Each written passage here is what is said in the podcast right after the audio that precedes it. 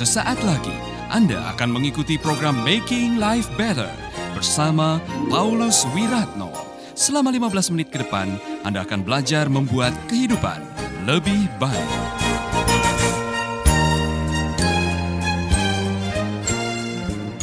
Kita semua akan kembali kepada penciptanya. Oleh karena itu saudara, di akhir kehidupan Anda kalau bisa, tinggalkanlah hidup ini, akhirilah perjalanan Anda dengan baik, bukan dengan menghujat. Amin. Haleluya. Saya mau mengatakan kepada Anda semuanya, biasanya orang mau menyadari betapa pentingnya hidup kalau sudah mau mati. Orang juga menyadari betapa pentingnya kekekalan saat mau kehilangan waktu hidup. Dan saya harus mengatakan kepada Anda, sebagian besar umur atau hidup Anda akan dihabiskan bersama dengan Tuhan. Hidup kita di dunia ini hanya digambarkan sebagai sebuah titik. Saya pernah mendengar ada orang membuat perhitungan begini. Kalau seribu tahun manusia, itu satu hari di hadapan Tuhan. Dan Pak Yusafat dikasih 70 tahun Pak. Seandainya dikasih 70 tahun, waktu tidur tidak dihitung. Maka umur kita yang 70 tahun di hadapan Tuhan hanya 57 menit. Berapa? 57 menit. Saya sudah 56 nih. Mungkin tinggal 5 menit di hadapan Tuhan. Iya kan? Kita tidak akan pernah tahu kapan kita akan dipanggil oleh Tuhan. Saudara tidak akan tahu kapan saudara akan dipanggil oleh Tuhan. Saudara-saudara, akhir-akhir ini saya melihat di Facebook banyak rekan-rekan saya tiba-tiba sudah dipanggil oleh Tuhan. Masih muda, sedang luar biasa dipakai Tuhan dalam pelayanan, tiba-tiba dipanggil oleh Tuhan. Kita tidak tahu kapan dipanggil oleh Tuhan. Ada mantan murid saya di uh, Jakarta yang selesai ibadah baru menyanyi, selesai menyanyi. Dipanggil oleh Tuhan, gerejanya cukup besar, saudara-saudara. Kita tidak pernah tahu kapan kita dipanggil oleh Tuhan. Yang kita tahu adalah debu kembali kepada debu, tetapi roh kita kembali kepada penciptanya. Kita akan kembali kepada kekekalan. Tetapi kekekalan itu ada dua. Kekekalan yang adalah siksaan kekal, itu namanya neraka. Atau kekekalan yang namanya firdaus, yaitu kekekalan bersama dengan Tuhan. Atau orang mengatakan surga. Saudara kita tidak akan pernah tahu. Saya hanya tahu bahwa salah satu perampok ini punya keyakinan. Ingat saya ya kalau sampai di sana.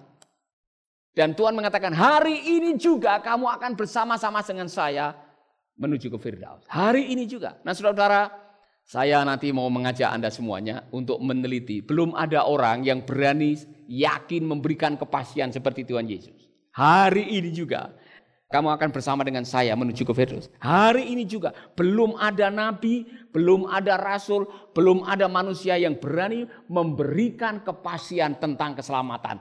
Hanya Yesus. Karena di dalam Yesus ada keselamatan kekal. Amin. Persoalan. Persoalan.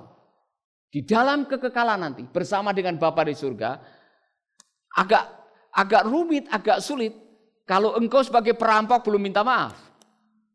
Karena dosa yang memisahkan kita seperti yang digambarkan dalam Alkitab, upah dosa adalah maut. Dosa telah membuat manusia kehilangan kemuliaan. Itulah sebabnya Yesus datang untuk apa? Untuk mendamaikan kita. Maka perampok yang satu ini dia benar sekali. Dia dia tahu sekali apa yang dia ucapkan, dia tahu kepada siapa dia bicara. Saudara-saudara mari kita akan uh, kembali kepada pembahasan ini, ya kan? Tetapi yang seorang menegur dia dan berkatanya, tidakkah engkau takut juga juga tidak kepada Allah? Sedang engkau menerima hukuman yang sama? Kita memang selayaknya dihukum. Sebab kita menerima balasan yang setimpal dengan perbuatan kita. Tetapi orang ini tidak berbuat sesuatu yang salah.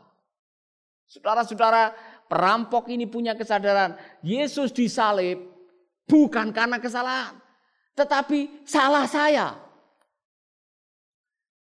Perampok yang satu ini sadar, saya yang harusnya terima hukuman. Kamu dan saya ini harusnya menerima hukuman yang setimpal karena kita baru merampok. Tapi orang ini dia tidak melakukan kesalahan. Saya yakin kalau Yesus punya waktu banyak, dia akan menjelaskan. Kamu tahu enggak? Saya mati di sini buat kalian berdua nih. Saya tidak salah. Kesalahanmu sudah saya tanggung semua. Kesalahanmu sudah saya bayar dengan pengorbananku di kayu salib. Saudara-saudara, kesadaran yang kedua yang dimiliki, yang pertama tadi kesadaran bahwa hidup singkat dan kematian atau kekekalan itu selama-lamanya dan bahwa semua akan meninggalkan dunia ini. Nah, saya mau mengatakan masih ada orang yang tidak sadar bahwa hidupnya ini singkat. Hey, life is short. Hidup ini singkat, saudara-saudaraku. Jangan bermain-main dengan hidup. Lakukan sesuatu selama hidup sehingga pada waktu engkau mengakhiri hidup, engkau mengakhiri dengan senyum. Engkau mengakhiri dengan bangga. Engkau mengakhiri dengan legacy, meninggalkan warisan yang baik, bukan cerita yang menghujat seperti ini.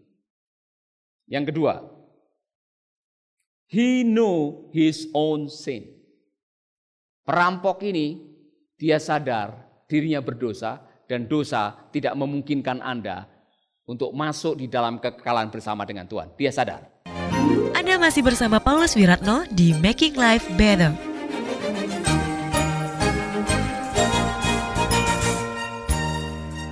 Sadarilah bahwa dosa yang telah memisahkan Anda dengan Tuhan. Dosa yang membuat Anda hidup sengsara. Dosa yang membuat pada akhirnya Anda tidak bisa menikmati hidup ini. Dosa yang membuat akhirnya Anda hidup dalam ketakutan. Dosa yang telah membuat Anda tidak bisa menerima semua rahmat Tuhan dalam hidup saudara. Dosa. Dan perampok ini menyadari. Dosa. Dosa itu bahaya. Nah saudara-saudara begini sebaik-baiknya orang di dunia ini. Belum ada orang yang betul-betul bebas dari dosa. Kasih tahu saya kalau ada. Sesuci-sucinya manusia di dunia ini. Belum ada yang berani mengatakan saya manusia yang bersih dari dosa. Saya tidak pernah melakukan perbuatan dosa sama sekali. Kalau ada kasih tahu saya. Contoh saja misalkan orang yang kita kagumi Mother Teresa. Orang yang luar biasa yang mendapat hadiah Nobel karena kemanusiaan yang dia lakukan untuk orang-orang di India, dia menyadari dalam buku catatannya. Kadang-kadang dia masih marah. Kadang-kadang dia masih berpikir yang tidak baik. Saudara, kalau saya mau mengajak saudara untuk menimbang, kira-kira Saudara bisa enggak berani mengucapkan seperti uh, perampok ini dalam arti kita ini semua orang yang berdosa. Kita yang harusnya dihukum. Apa pun dosa saudara, kecil atau besar tidak ada bedanya di hadapan Tuhan. Bahkan satu atau sejuta dosa tidak ada bedanya di hadapan Tuhan. Satu dosa, kesalahan yang dibuat Adam dan Hawa membuat mereka terusir dari Taman Eden. Satu dosa. Satu pelanggaran. Jadi di hadapan Tuhan mau satu, mau seribu, mau satu juta, sama. Satu dosa. Mungkin ada yang mengatakan, tapi dosa saya dosa kecil. Tidak ada dosa kecil, tidak ada dosa besar. Ya kan? Pak Coyonggi pernah memberikan ilustrasi yang bagus sekali. Walaupun itu dosa kecil, tetap berakibat. Saudara-saudara, dia lemparkan batu yang besar, ini dosa besar. Lemparkan ke danau. Lihat, tenggelam tidak? Tenggelam. Dia ambil kerikil yang kecil, dia lemparkan. Lihat, tenggelam atau tidak? Tenggelam. Tidak ada dosa besar, tidak ada dosa kecil. Dua-duanya adalah dosa yang namanya dosa membawa maut. Jadi saudara jangan mengatakan, oh enggak, saya tidak perlu keselamatan. Saya ini selama ini baik-baik saja. Saya sudah datang ke gereja, saya sudah memberi persepuluhan. Tapi kalau engkau belum memahami apa artinya keselamatan dan bagaimana diselamatkan, ini kesempatan yang baik kita belajar. Sadarilah bahwa Anda adalah orang yang berdosa. Yang ketiga, he know Jesus. Dia tahu jawaban keselamatan itu di mana. Dia tahu siapa yang bisa menyelamatkan. Dia bilang kepada Tuhan Yesus, Yesus, Ingatlah akan aku apabila engkau datang sebagai raja. Kata Yesus kepadanya, aku berkata kepadamu, sesungguhnya hari ini juga engkau akan bersama-sama dengan aku di dalam Firdaus. Karena dia pernah mengatakan, akulah jalan, kebenaran, dan hidup. Tidak ada seorang pun yang sampai kepada Bapa kalau tidak melalui aku. Saudara-saudara, ini kalimat kepastian. Hanya ada satu nama yang di dalamnya kita bisa mendapatkan keselamatan. Yesus. Dan salib memberikan sebuah kepastian. Hari ini juga engkau akan bersama-sama dengan aku di dalam Firdaus. Oh saudara-saudara berbahagialah Anda yang sudah berjumpa dengan Tuhan Yesus. Berbahagialah Anda yang sudah percaya kepada Yesus karena melalui iman kita kepadanya kita mendapatkan kasih karunia untuk diselamatkan. Saya pernah didatangi oleh seorang tentara yang menyelamatkan seorang tokoh di Jawa Timur yang bukan orang Kristen. Dan tokoh ini diceritakan dia punya tempat ibadah sendiri di rumahnya karena dia kaya raya. Satu kali dia pergi untuk menjalankan syariat agamanya. Pada waktu dia pergi, dia melihat salib. Saudara-saudara, diam-diam dia percaya bahwa salib itu yang akan menyelamatkan dia. Maka di dalam tempat ibadah pribadinya itu dibangunlah sebuah kamar. Kamar privat, tidak boleh ada yang masuk di situ. Hanya dia sendiri, anaknya pun tidak boleh. Oh saudara-saudara, apa yang terjadi? Dia taruh tanda salib di kamar pribadinya di tempat ibadahnya.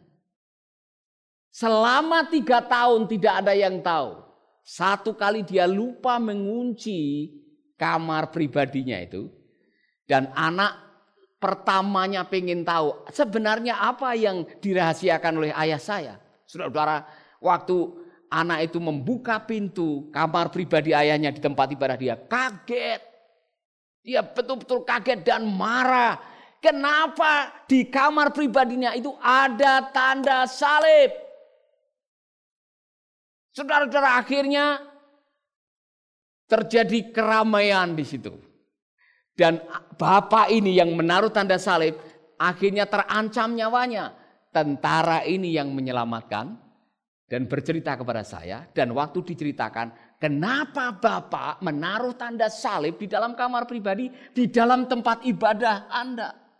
Dia bilang waktu saya menjalankan syariat agama saya, saya mendapatkan penglihatan salib. Dan saya mendengarkan suara, akulah jalan kebenaran dan hidup. Anda baru saja mendengarkan Making Life Better bersama Paulus Wiratno. Jika Anda diberkati, kirimkan kesaksian Anda ke Radio Dian Mandiri, Jalan Intan LC2, Gang 4 nomor 1, Denpasar, Bali. Kunjungi website kami di pauluswiratno.com, Facebook Paulus Wiratno. Hubungi kami di 0811 3901 144 dan 0811 3901 140. Sekali lagi 0811 3901 144 dan 0811 3901 140.